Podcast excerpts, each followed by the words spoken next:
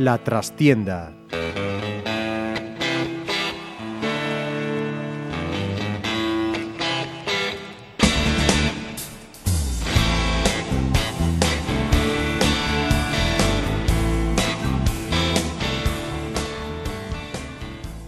Saludos amigos, os habla Ramiro Espiño en nombre de todo el equipo. Comenzamos una nueva edición de La Trastienda en Pontevedra Viva Radio. Obligados a sufrir, obligados a seguir sufriendo hasta el final. El Pontevedra tuvo en sus manos la posibilidad de quedar a salvo de cualquier contingencia, pero no fue capaz de pasar del empate con el Unión Adarve, pese a merecer sobradamente ganar por juego y sobre todo por oportunidades, especialmente en la última media hora. Dos tiros a la madera y sobre todo una jugada polémica que analizaremos en el último suspiro, en el que de nuevo un árbitro asturiano de esos que tanto quieren a lo granate en los últimos años, escamoteó un penalti desde mi punto de vista del portero visitante Parra sobre un Iván Martín que quizás pecó también de querer buscarlo, pero la máxima pena, que podría haber dado el triunfo y la salvación, existió. Y para los que tengáis dudas os recomiendo que echéis un vistazo a la magnífica foto del compañero Rafa Vázquez en el Faro de Vigo, donde veréis cómo el portero madrileño traba claramente con su brazo al delantero Granate.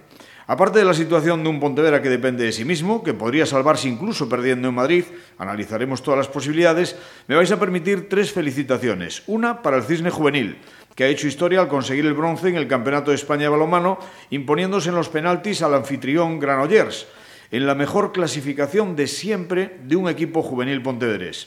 Otra para el Marín Peixe Galego, campeón de conferencia, invicto y que se ha ganado el derecho a organizar la fase de ascenso a Le Plata en su pabellón de Arraña.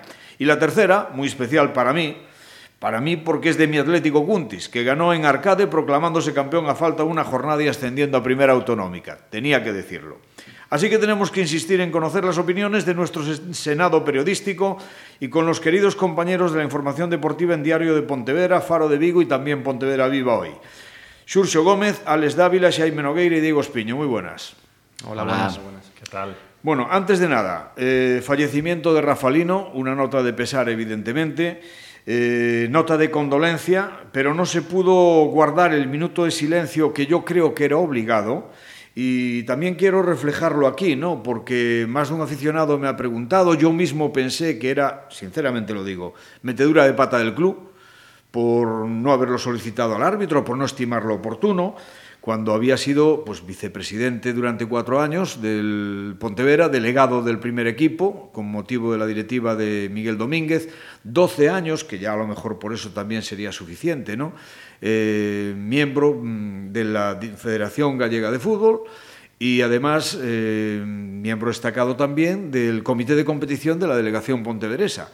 Entonces, bueno, pues evidentemente es, además en este caso yo que le conocí personalmente, lo siento especialmente, ¿no?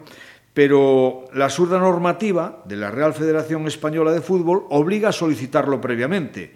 Claro, como el fallecimiento se produce el viernes sobre las 10 de la noche, hay que solicitarlo obviamente el sábado, porque el partido es el domingo, y para los pobres la Federación Española de Fútbol no existe el fin de semana.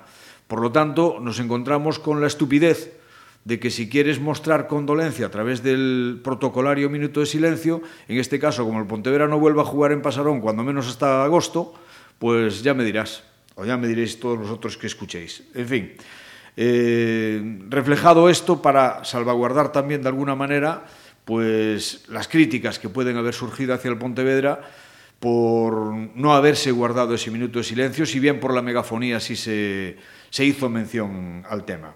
Y a partir de ahí, pues Pontevedra Unión Adarve, compañeros, eh, ¿empezamos por el principio o por el final, por lo que sucedió después en el túnel de vestuarios? Por donde queráis como sempre empece Xaime por, por veteranía, pois... É como, é como Javier Cansado no Ilustre, sempre empeza o mesmo.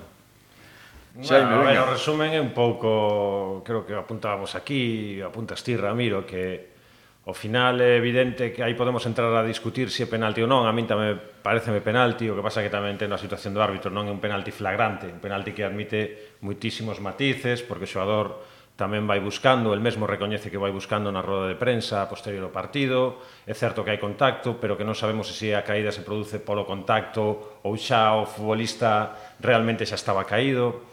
É unha situación complicada, pero eh, eu creo que máis salado penalti, que obviamente pois, produce esa tensión final, porque é un momento no que se produce, eh, o partido Pontevedra tiño que telo encarrilado de, desde, desde moito antes, pero ao final son encontros como que tivemos contra o Navalcarnero en Pasarón na primeira metade da temporada, na que hai un equipo que é tremendamente superior ao outro, que xenera infinitas ocasións de gol, e que desgraciadamente pois non ten a fortuna para embocalas. Eh, dous postes, tres intervencións de, de parras eh, bastante boas, unha dela espectacular, un lanzamento abaixo á esquerda de, de David Goldar, varios tiros exteriores que pasan lamendo o longueiro, eh, xogadas de carambola desas que a veces entran e que neste caso tampouco quixeron entrar. Ao final o Pontevedra puxo, sobre todo na segunda metade e na última media hora, puxo todo necesario para intentar levar o partido, pero hai días que é mellor non erguerse e este foi un deles. Igual tamén se explica uno tamén por que el equipo está en esta situación ¿no? a lo largo da la temporada, porque ha tenido partidos, este ha sido el ejemplo de que la actitud fue buena, de que el equipo buscó e hizo lo mm. suficiente para ganar,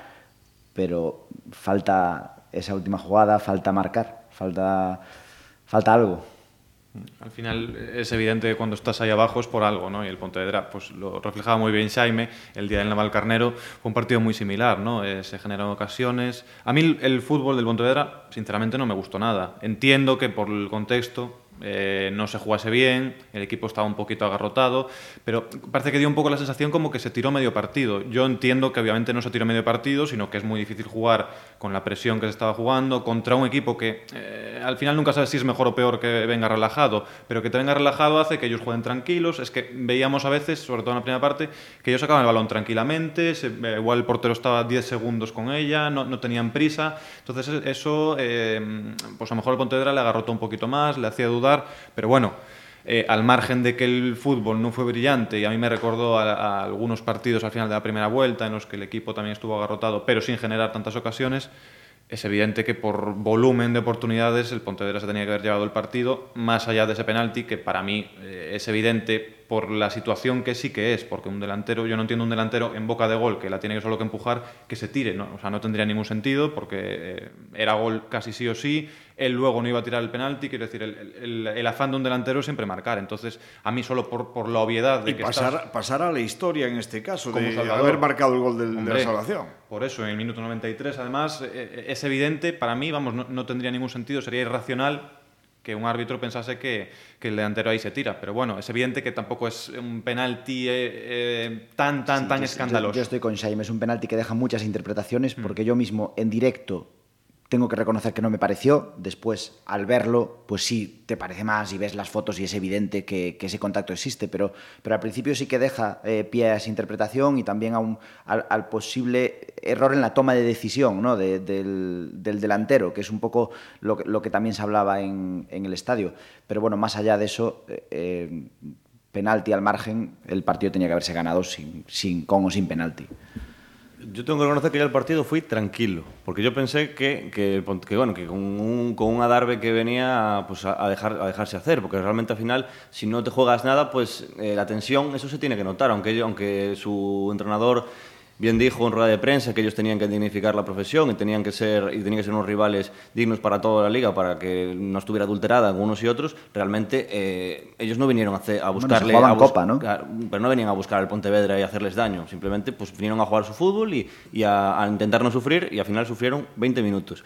Yo me pregunto, ¿por qué el Pontevedra no jugó los 90 minutos, o al menos la primera parte, un ratillo, como jugó los últimos 20? Porque parece que el equipo cambió a raíz de, del cambio de Eder, que es un cambio que personalmente a mí no me gustó, porque con el fútbol que estaba jugando el Pontevedra en aquel momento, creo que Eder era un jugador bastante útil para estar en el campo. Iván tendría que haber Por arriba también. había ganado todas las disputas. Yo creo que también, y creo que Iván, Iván podría complementarse muy bien con él. Para, porque así Eder podía descargar y Iván estaba, igual podía estar un poco más suelto. Yo el cambio no lo entendí, luego lo explicó, Jorge le preguntó en, en rueda de prensa y, y, bueno, creo que Luis me dijo que quería buscar algo más de frescura y se, se puede entender por ahí, pero había jugadores arriba que estaban un poquito más agotados que, que Eder. Y el penalti, a lo mejor pegando, pecando de impopular, yo no lo veo tan claro. Lo que pasa que después de ese Real Madrid-Juventus pensamos que todos los, todos los contactos en el 93 son penalti. Eh, hombre, más penalti que el, de la- el del Madrid parece, pero Pero ¿qué quieres que te diga? Yo es que cada vez que, veo cada vez que veo la cada vez que veo la repetición, que si te tiras antes de que te toque, al final es más fácil que no te lo piten. A ver, yo lo que pasa es que creo que a lo mejor el, el debate futbolístico lo estamos embruteciendo todos, ¿eh? en cuanto a las tertulias, pseudotertulias futboleras en distintos programas de radio, de televisión y demás, y sobre todo los exárbitros, cuando sacamos a colación eso de es que buscó el penalti, es que le ha tocado pero poco, es que le ha agarrado pero no lo suficiente. Yo por más que he leído el reglamento unas cuantas docenas de veces, no encuentro en ningún sitio, primero, todos los delanteros buscan el penalti, obviamente. Cuando ven o no lo ven del todo claro, buscan el contacto por si acaso. Eso no indica el que se busque el contacto, no indica que si hay contacto sea falta, porque el reglamento lo especifica claramente, ¿no? O sea, y esas disquisiciones de le ha tocado pero poco, le ha agarrado pero no lo suficiente, ¿Cuándo es suficiente? Pero, pero no es el mismo suficiente para un delantero de 1,60 que para uno de 1,90. Para mí a clave, Ramiro, neste tipo de situacións está en quen provoca contacto. É dicir, si aínda que o dianteiro vaya buscando o infractor, o infractor é o que produce o contacto pola súa inercia, penalti. Claro, evidentemente. Agora, se é o dianteiro o que se abalanza sobre o presunto que infractor... Que se tira encima para forzar a situación, obviamente iso non é nada. O que teríamos que determinar aquí que a, a clave do asunto é quen produce ese contacto. Se o produce Iván Martín eh, indo a polo porteiro ou se é o porteiro que arrastra e leva por diante a Iván Martín. En este caso parece evidente que Iván Martín trata de escapar del portero porque precisamente lo regatea para Toca abrirse, el balón. abrirse, abrirse de hecho, de hecho el árbitro da saque de puerta, no da córner. O sea, señal de que ha tocado el balón Iván Martín. Pero Iván Martín reconoce en rueda de prensa que él va a buscar el contacto. El trabajo de un delantero no es provocar penaltis, es marcar goles. Estás solo delante del portero con el portero vencido. Pero ¿Por eso, no tiras? Pero eso no obvia que haya penalti. Que él vaya a buscar el contacto está claro, pero que no obvia que haya penalti también, bueno, porque que... si el contacto se en, produce... En todo, caso, en todo caso, lo que hay también que hablar es de las posibles repercusiones que puede tener ahora ese, ese penalti, ¿no? Porque ahí se abre... Eh, otro asunto eh, paralelo, que es lo reflejado en el acta arbitral. Sí, otro, otro melón que vamos para poner en antecedentes a quienes nos estén escuchando y no hayan leído previamente absolutamente nada del asunto, ¿no? Porque al finalizar el partido, el árbitro denuncia en acta, recoge, una supuesta of actitud ofensiva y agresiva por parte de la presidenta Lupe Murillo. Y vamos, para que no haya lugar a, a dudas, vamos a leer textualmente lo que recoge en el apartado de otras as, as observaciones el colegiado asturiano Jaime Ruiz Álvarez que será casualidad, pero otro asturiano, el mismo que el de los mensajeros. Ya sé que me vais a decir que yo le tengo manía a los colegiados asturianos. Un poco, un poco. Pues sí, porque en su mayoría no tiene, Asturias no tiene nivel arbitral para tener ocho o nueve árbitros en segunda B. No lo tiene ni tiene número de, equipos tampoco como para eso. Y será casualidad, pero el del mensajero famoso también era asturiano. Y tiramos de hemeroteca hacia atrás y nos encontramos unos cuantos. Pero bueno, al margen de eso, los hechos. Otras observaciones, dice, otras incidencias. La presidenta del Pontevedra Club de Fútbol, Sociedad Anónima Deportiva, Guadalupe Murillo Solís, identificada como tal por un miembro de la Policía Nacional, Al finalizar el encuentro y una vez alcancé el túnel de vestuarios, se encaró hacia mi persona y en una clara actitud ofensiva y agresiva hacia mi persona, comenzó a gritarme a voces y a la cara lo siguiente. ¿Por qué no pitas el penalti? ¿Me puedes explicar cómo no lo has visto? gritando en tres ocasiones y teniendo que ser separada por el personal del club que la alejaron de mi persona, teniendo que llevársela agarrada y forcejeando con ella. Esto es lo que refleja el acta arbitral. Eh, desde Pontevedra Viva, hoy a, mediodía hemos hablado con, con, Lupe Murillo. No ha querido pues, eh, que las declaraciones saliesen de voz, pero sí que nos ha autorizado pues, a transcribir lo que, sus comentarios. Y exclusivamente tres puntos que pueden leer en la información que Diego Espiño elaboraba en Pontevedra Viva hoy a mediodía. Y una de ellas es que no hay actitud ofensiva, ni nadie me llevó braceando, eso lo dice Lupe Murillo, que esperará a lo que decida el comité de competición para actuar en función de la resolución y que si hay sanción la pagaría ella misma de su propio bolsillo. Podríamos extendernos en otras eh, cuestiones a mayores, ¿no? sobre el, bueno, el contenido de la conversación que hemos mantenido con Lupe Murillo, pero básicamente estos son los, los tres puntos importantes. Obviamente ella sabe que si no hay pruebas videográficas claras de que desvirtúen el Yo es que- contenido del acta es, es que arbitral. eso iba, es que dentro del túnel de vestuarios es casi imposible que haya esas pruebas gráficas y, y al final mm, el acta arbitral tiene presunción de veracidad. Yo creo que eh, lamentablemente se expone a una sanción importante. Yo es que no sé cómo, cómo puede sancionar este tipo de cosas la, la federación. Eh, sanción importante, hombre, eh, no ha hecho nada que no, ha- que no haga cualquier jugador en el campo. Y en el campo eso a lo mejor no es tipificado para que, para que te Sí, expulsen, sí, pero- porque pero- no hay contacto pero hemos- físico, no hay, no hay muchas palabras veces- malsonantes. Pero lo hemos visto muchas veces, donde marca la diferencia es que se incluya o no en el acta. Sí, no, está claro, pero las palabras que refleja el acta, al margen de que no debería haberlo hecho y ella lo sabe, que a lo mejor actúa un caliente, pues, pues como a lo mejor hubiera actuado algún aficionado, la diferencia es que ella no es una aficionada, ella es, un- ella es la presidenta y no puede hacer esas Sí, cosas. esa es la diferencia, Alex, evidentemente. Pero- Yo lo, lo de que cualquiera estuviese alterado en su caso, lo, lo puedo incluso llegar a entender porque había, hay mucho en juego. Yo estoy absolutamente convencido de que los jugadores del Pontevedra le dijeron cosas peores en el campo. Pues posiblemente. Aquí hay, Sí, un, sí, hay un posiblemente. matiz. Y también tuvieron que agarrarlos y llevárselos braceando. Lo Sí, que sí. pasa es que, bueno, la presidenta no lo puede hacer. Y lo que tú dices, si cualquier aficionado estuviera en esa situación en el túnel de vestuarios, probablemente algo también le habría dicho. ¿no? A ver, es más, esto, esto es un off the record, evidentemente, pero que a todos nos llega y por lo tanto voy a, a obviar quién es el jugador que lo hizo, pero sí que es verdad que ha existido esta conversación en el túnel de vestuarios. El árbitro le dice a un jugador del Pontevedra que le recriminaba no haber pitado el penalti, que él, al fin y al cabo, el arbitraje para él era una afición. Y el jugador del Pontevedra le contesta, pues para mí esto es el pan de mis hijos. O sea, yo creo que es, de verdad, tampoco se puede demostrar. Pero si el árbitro efectivamente ha dicho eso, es para que se lo haga mirar, ¿eh? No se puede jugar con... Porque en segunda vez te obligan a tener jugadores profesionales, la normativa. Entonces no pueden estar pues, eh, lo- los destinos de, de los profesionales eh, dirigidos o condicionados por las actitudes de aficionados que les da igual lo que pase. Yo creo que eso es bastante grave también. De todas maneiras, sí, sí, sí levas razón, Ramiro. É certo que en este caso hai que ter, sobre todo hai que ter un pouco de delicadeza con que cosas se din en que momentos. Pero volvemos ao de antes. Eh, estamos falando de árbitros superprofesionais que en Liga de Campeóns sinalan un penalti como que le sinalan a Juventus en contra e dá o pase ao Real Madrid a semifinais. A partir de aí, calquera erro en situacións que poida haber dúbidas, eu creo que é perfectamente comprensible. Creo que estamos facendo unha bola demasiado grande de, da actuación arbitral, entendendo que se equivoca e entendendo que eu, eu para min é penalti, pero nunha situación que admite moitísimas, moitísimas dúbidas e moitísimas interpretacións, como comentábamos antes. E o respecto do asunto de Lupe Murillo, hai un matiz importante nisto.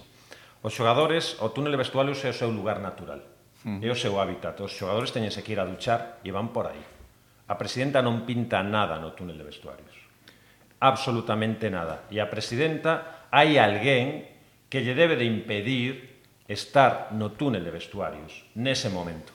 Porque nese momento non está no seu momento de tensión adecuada para manifestarse. E entón pode suceder o que sucedeu, pois que lle diga cousas que non debe o colexado, porque non debe dirixirse a él, e a partir de aí pois que se expoña a unha sanción. Es evidente que, que a todos en ese momento, en minuto 93, cuando te no te hierve pitan la un penalti, te hierve la sangre, lo que te apetece, a ti como periodista incluso, que estás trabajando, es acercarte al campo y decirle cuatro cosas al árbitro, porque, a ver, también es nuestro trabajo, al fin y al cabo. Nosotros queremos que se salve el Pontevedra y algunos, entre los que me incluyo, pues somos aficionados al margen de profesionales de esto. Y, y- y es evidente que lo que te apetece es, es decir, pero por favor, o sea, e- es que no puedes no pitarlo, eh, te sale decir eso. Pero. eh, No, poder no pitarlo puede, lo que no puede es no verlo. Exacto. Representan- representando la institución tienes que intentar guardar las formas, eh, eh, pensar en frío, analizar, tranquilizarte y no ir al túnel de vestuarios. Y yo creo que en ese sentido pues hay, una hay un, un cargo, digamos que es el de delegado, que en este caso pues sí que es el que tiene que meter más presión al árbitro, hablar con el árbitro. eh, Está más entre sus funciones. eh, quizás, Está entre ¿no? sus funciones, ¿no? Quiero decir, desde el principio del partido, eh, hablar con el árbitro. Ya, eh, pero si se hubieran realizado funciones en el túnel de vestuarios y demás, no tendríamos sancionado a Alex González en el partido de ayer como lo tenemos. Ese es el problema, quiero decir, hay, hay, Porque hay nadie le figuras mandó, importantes. vete a vestuarios. Hay figuras que son importantes y no hablamos tampoco de, ni de comprar árbitros ni de, ni de condicionarlos, No, no, ni no, mucho no, no, menos. nadie, nadie, Simplemente nadie de establecer una relación cordial con los árbitros y que, oye, en determinado momento se den cuenta, como dice Ramiro, de, de lo que se está jugando el equipo. Y que a lo mejor para ellos es una simple afición, pero hay mucha gente detrás a la que le importa mucho. Alex. No, yo, yo lo, que, lo, que, lo que tenía que decir ya, pues ya lo dije con, con, con lo, de, con lo de Lupe, que, que, bueno, que creo que ella sabe perfectamente que, que no actuó bien, que no creo que la sanción sea muy, muy alta por lo, que, por lo que refleja el acta en sí, porque solo le preguntó por qué no pitó el penalti. El, lo- lo- es verdad que lo, habla de lenguaje agresivo, que la tienen que llevar aparte, pero, pero realmente hombre, yo al imagino final que se no es muy grave lo que refleja el Hombre, que- Y, A ver, sinceramente, esto ya eh, por banalizar un poco, si quieres, la cuestión. Sí, hombre, no refleja puedo ningún- no refleja ningún insulto, puedo, no puedo refleja nada- entender la, la actitud ofensiva, pero sinceramente, no, no veo yo a Lupe Murillo con su 1,50 y poco y 50 kilos de peso como mucho en una que haya que forcejear con ella para llevársela a ningún lado. No, a lo mejor le A dicen, pues lo que como hablan ella, vámonos presi, le ponen la mano delante para irse, ella a lo mejor se revuelve, de, no me toques, no me toques, ya está. Ya es- eso ya es que me tienen que llevar forcejeando. Pero Esa, esa típica situación na que nin, un, unha persona se encara con outra sin ningún tipo, sin outro afán que non sexa discutir con esa outra persona, agarran o dous e xa parece que quere matar outro. A ver, Porque de, no, no, que voy a hablar con él. E, No, no, no, e empezan a agarralo todos, empezas a abracear e do que parecía simplemente un estado de mal humor acabase, acabase convertendo Que, nun... que de todas maneras sí que es importante ese, ese matiz, más allá de la discrepancia de versiones, que, que Lupe Murillo mantiene que, que eso no, no se ajusta a la realidad, lo que, lo que refleja el acta arbitral, pero el acta arbitral, aún no ajustándose a esa realidad según la versión de la presidenta, eso no habla de insultos graves, no habla de... Entonces ahí yo creo que, que por ahí tiene algo de... de de salvaguarda, vamos, de, de salvavidas, ¿no? De protección, De protección, sí. eso, A ver, si fuera un jugador, evidentemente estaba claro que era una desconsideración, una falta de respeto, pues como mucho le caería un partido, no creo que fuera más allá, porque efectivamente no hay un insulto directo, no hay nada, más bien es hacer las observaciones pues con una actitud más o menos violenta, digamos, ¿no? O, o alterada. Alterada, más que por- violenta, por sí, decirlo efectivamente, así, ¿no? esa es la palabra. Porque la violencia es otra, es otra historia, ¿no? Eh, yo estoy de acuerdo con, con Xaime que efectivamente alguien debería impedir que la, la presidenta, la presidenta o cualquier consejero, ¿eh? o sea, cualquier miembro que no tiene nada que rascar ahí.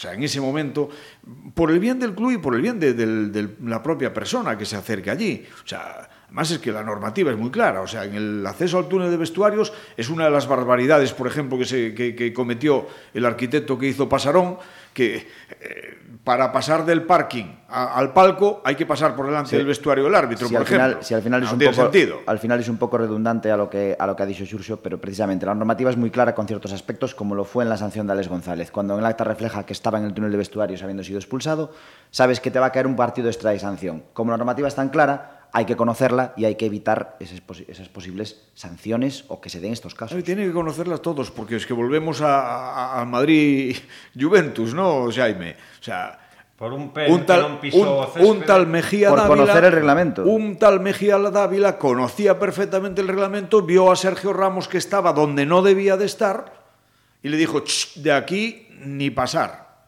Y eso le evitó la sanción a Sergio Ramos si no hubiera sido sancionado. En cualquier caso, el acto de Lupe tuvo consecuencias. Eh, eso creo que es mejor que lo escribe Jorge, que lo sabe mejor que yo, pero tuvo consecuencias al menos sembrando la duda en el árbitro.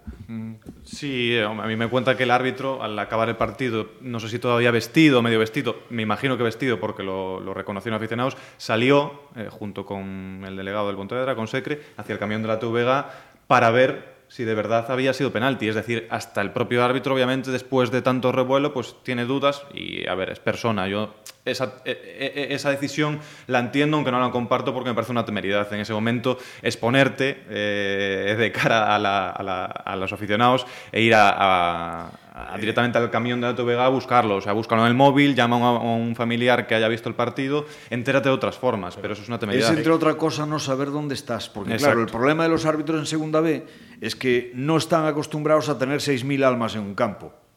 Entonces, claro, se encuentran con situaciones que, que no son habituales en ellos. Pero, bueno, vuelvo a insistir en lo mismo. Vale, no vio el penalti. Complicado. Pero lo fácil, evidentemente, sería pitarlo. Está claro. Quiso ser valiente, entre comillas, lo que se entiende el término valiente en el, criterio arbitral. Hombre, pues, pues vale. Pero a mí, desde luego, mm, lo que creo que deberían de medir un poquito más y hacérselo mirar en ese aspecto es la falta de sensibilidad de la anécdota que comentaba yo interior en el vestuario cuando un jugador eh, le hace ese comentario como, "Bah, yo total, soy aficionado, me da igual, oye, que si estar jugando con el pan de familia. Que si tuvo el entrenador del Unión Adarve, porque, porque habló de, que él entendía y empatizaba con, el, con la situación del Pontevedra. Eso es un poco lo que buscas, ¿no? Eh, que obviamente te pueden dar o no dar, pero por lo menos entender la situación. Yo creo que ahí mm, has dicho eso del, entrenador de Adarve. A mí me gustaría también hacer una reseña al, al Unión Adarve. Eh, el trato que ha tenido hacia el club durante toda la semana a través de sus redes sociales, con mucha mm, sensibilidad y mucho cariño hacia, hacia el Pontevedra y el trato que ha tenido en el partido, porque si bien es cierto que nos puede molestar que hayan peleado más o menos porque queríamos ganar el partido a toda costa, no ha sido un partido eh, sucio, con artimañas, pérdidas de tiempo. Eh, creo que han sido bastante nobles en el, en el encuentro y creo que tamén es de, es de agradecer.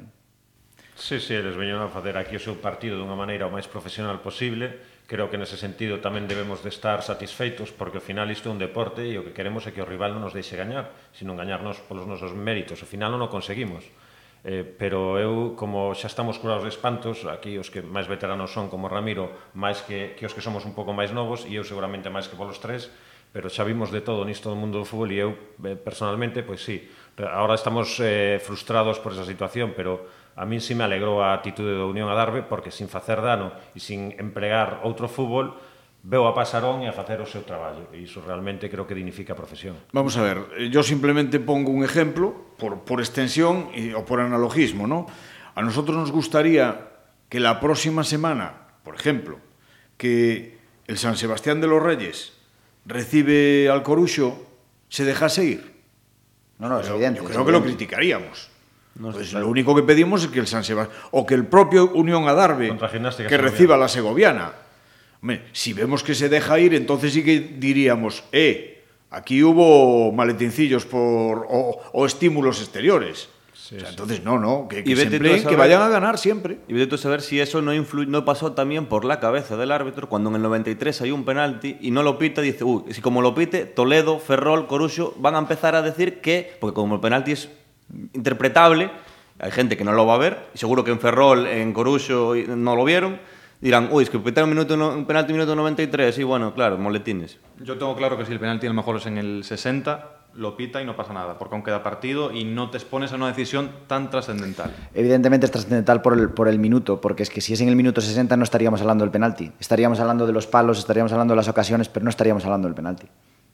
Bueno, eh, excelente entrada en las gradas, obviamente las medidas surtieron efecto, entrada gratis en preferencia, que era la grada que mejor estaba, muy buena entrada en tribuna también, más flojos los fondos, pero bueno, hasta cierto punto lógico, porque entre pagar 5 euros en el fondo o ir gratis a preferencia, pues al final habrá muchos que se hayan cambiado, ¿no? Y última jornada, chicos, Pontevedra 42 puntos, juega con el Atlético de Madrid B, al que no le va nada en el partido. Toledo 40 puntos en play-out. Recibe al Fabril, que necesita ganar para aspirar al título. Coruxo 40 puntos, primero de los puestos de descenso. ¿no? Visita al San Sebastián de los Reyes, que tampoco se juega nada. Racing de Ferrol 39 puntos. Recibe al Rayo Majadahonda, que se juega el campeonato. Quizá el que más difícil lo tenga, el Ferrol. Y Segoviana, 39 puntos, visita a Unión Adarve, que no se juega nada, pero ya vimos en Pasarón que tampoco está dispuesto a regalar lo más mínimo.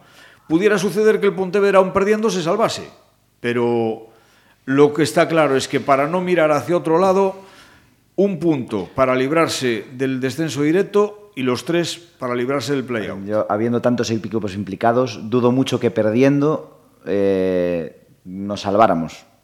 Eh, lo mejor es mirar hacia nosotros. Lo parte positiva es que el Pontevedra depende de sí mismo, sigue dependiendo de sí mismo, está ahora mismo fuera de descenso y es lo que hay que agarrarse, hacer el trabajo propio y no mirar para otros campos. Llevamos eh, dos semanas teniendo una situación súper propicia, eh, que lo, lo habíamos firmado hace mes y medio y lo seguimos diciendo. O sea, mm, hace mes y medio, dos meses, eh, nos, hubiese, todos. nos hubiese encantado todos. llegar a la última jornada dependiendo de nosotros mismos, sabiendo que si te gan si ganas te salvas y si empatas tienes la bala como mínimo, como mínimo del play out. Entonces, la situación es muy propicia ahora. A mí me preocupa que, el partido del domingo ante la Darbe pues, haya hecho daño moralmente, ¿no? porque al final eh, son el típico, tipo de partidos que te duele perder o en este caso no ganar por, cómo se da, ¿no? Y a lo mejor puede minar un poquito tu, tu confianza. Lo que tiene que hacer el equipo es eh, resetear, cambiar el chip totalmente, centrarse simple y llanamente en el, en el, en el partido contra el Atlético de Madrid. Y oye, eh, luego por, por, otro lado también vemos que, que, parece que nadie quiere salvarse, o sea que eso también te invita un poco a, a ser optimista, que estás viendo que, que nadie hace los deberes. Entonces, pues hombre, a lo mejor en la última jornada alguno puede hacerlo, pero si saber, saber, saber que si tú los haces eh, te da la salvación, para mí es una tranquilidad. Yo no tengo ningún tipo de duda de que nos vamos a salvar. Tenía la sensación desde hace tiempo de que en ese partido en Madrid eh, el Pontevedra se iba a jugar algo, aunque solo fuera el play-out. Por eso tengo el billete de, de, tren comprado desde hace un mes. y la maleta ya la tengo llena, es decir, pesimismo no me cabe ya ni en el bolsillo pequeño. Vamos allí y, como dije la semana pasada, dije que la Darbe me gustaba, que era un rival que me gustaba para intentar buscar la, la salvación. Creo que acerté porque es un equipo que no vino a hacer marrullerías, no es el, la Arandina, vino a hacer su fútbol y no perdieron tiempo, incluso tuvieron, una, tuvieron un lesionado y se salió por fuera en vez de entrar en el campo sí, y tal, sí. y lo hicieron perfecto. Y el Atlético de Madrid B, pienso lo mismo. Hombre, es cierto que el Pontevedra este año son unos expertos en, res en resucitar muertos, pero es el equipo que llega a una dinámica malísima. Sí, eh, siempre queda el, el, aquel de los filiales, ¿no? Seguro que con que la calidad Cholo... que tienen los filiales, si justo le tienen el partido, bueno, siempre ahí es. Pero el Atlético de Madrid tiene una final esta semana, un Eso miércoles. Es Seguramente muchos jugadores se vayan con el primer equipo. Eh, a mí, a mí es un rival que no, que, que no me desagrada. Sobre y todo teniendo en cuenta que el Atlético de Madrid tiene falta de efectivos en el primer equipo. Entonces ahí sí que puede jugar a, a favor, ¿no? Y una cosa más, que es un filial de un equipo de primera división de los fuertes. Aquí no va a haber maletines. ¿Qué le vas a dar a un chaval que ya en Atlético de Madrid ya está ganando una pasta? No es, no es un equipo de... A lo mejor está. con el Adarve puede haber suspicacias porque ganarán, pues eso, lo que puede tener el Adarve, pero un, a un filial... Eh, Maletines no va a haber. Al final hay que demostrar lo que decía ese jugador en el túnel de vestuarios, que aquí está juego el pan de sus hijos y de muchos aficionados al, alrededor y hay que demostrarlo con actitud e intensidad desde, desde el principio, ¿no? Sí, ao final non hai máis maior prima, como ben dicía Edu, na roda de prensa entre semana que, que fixo o club, non? Que ao final non é a mellor prima que un premio tan grande como unha permanencia. E nese sentido Pontevedra ten que demostrar en Madrid desde o primeiro minuto como demostrou na última media hora do partido contra de onte, non? contra a Unión Adarve, no que realmente pois aí sí que someteu o adversario, acurralou no? e dispuxo das oportunidades todas que relatamos agora e que estamos lamentando que non entrasen. Pois esa ten que ser a dinámica do Pontevedra eh, no Cerro del Espino. Yo me quedo, amigos y compañeros, con el titular, creo que fue de, de Xurxo y en Faro de Vigo, que decía, qué manera de sufrir. Era así, ¿no? Sobre la, sobre la crónica. Ah, de Cristina, perdón, de Cristina Prieto, que era la, la que le tocaba trabajar Vigo, este fin de semana. Qué manera de sufrir. Y además, fijaros la curiosidad, no sé si lo hizo a propósito o no, coincide con el himno de Sabina del Atlético de Madrid. Es, qué manera de luchar, qué manera claro de sufrir. Que, que el sino granate, el destino es, es sufrir para, o sea, todo, estamos... para subir, para salvarse, para bajar, para lo que sea, para meterse en un playoff. En este club se sufre como, como perros. Estamos unidos íntimamente con el Atlético de Madrid y fijaros lo que, lo que nos depara el destino. ¿no? Dos equipos acostumbrados a sufrir, en este caso los colchoneros filiales no lo van a hacer. Nosotros sufriremos, pero si al final lo hacemos y con final feliz, lo daremos por bien empleado. Muchísimas gracias. Esperemos que dentro de una semana pues, podamos festejar que efectivamente el equipo se ha salvado, que sigue en Segunda División B y que olvidamos esta temporada. Y a todos vosotros que nos escucháis, os dejamos con nuestra habitual despedida musical. Como la pasada semana, seguimos con grupos de los 80, en este caso con la banda noruega de rock y música electrónica Aja, de su concierto ofrecido en el 2010 en un escenario incomparable como el Royal Albert Hall de Londres. Esta es su versión de su tema Take On Me. Como siempre, que lo disfrutéis. Hasta la próxima semana y muchas gracias por escucharnos.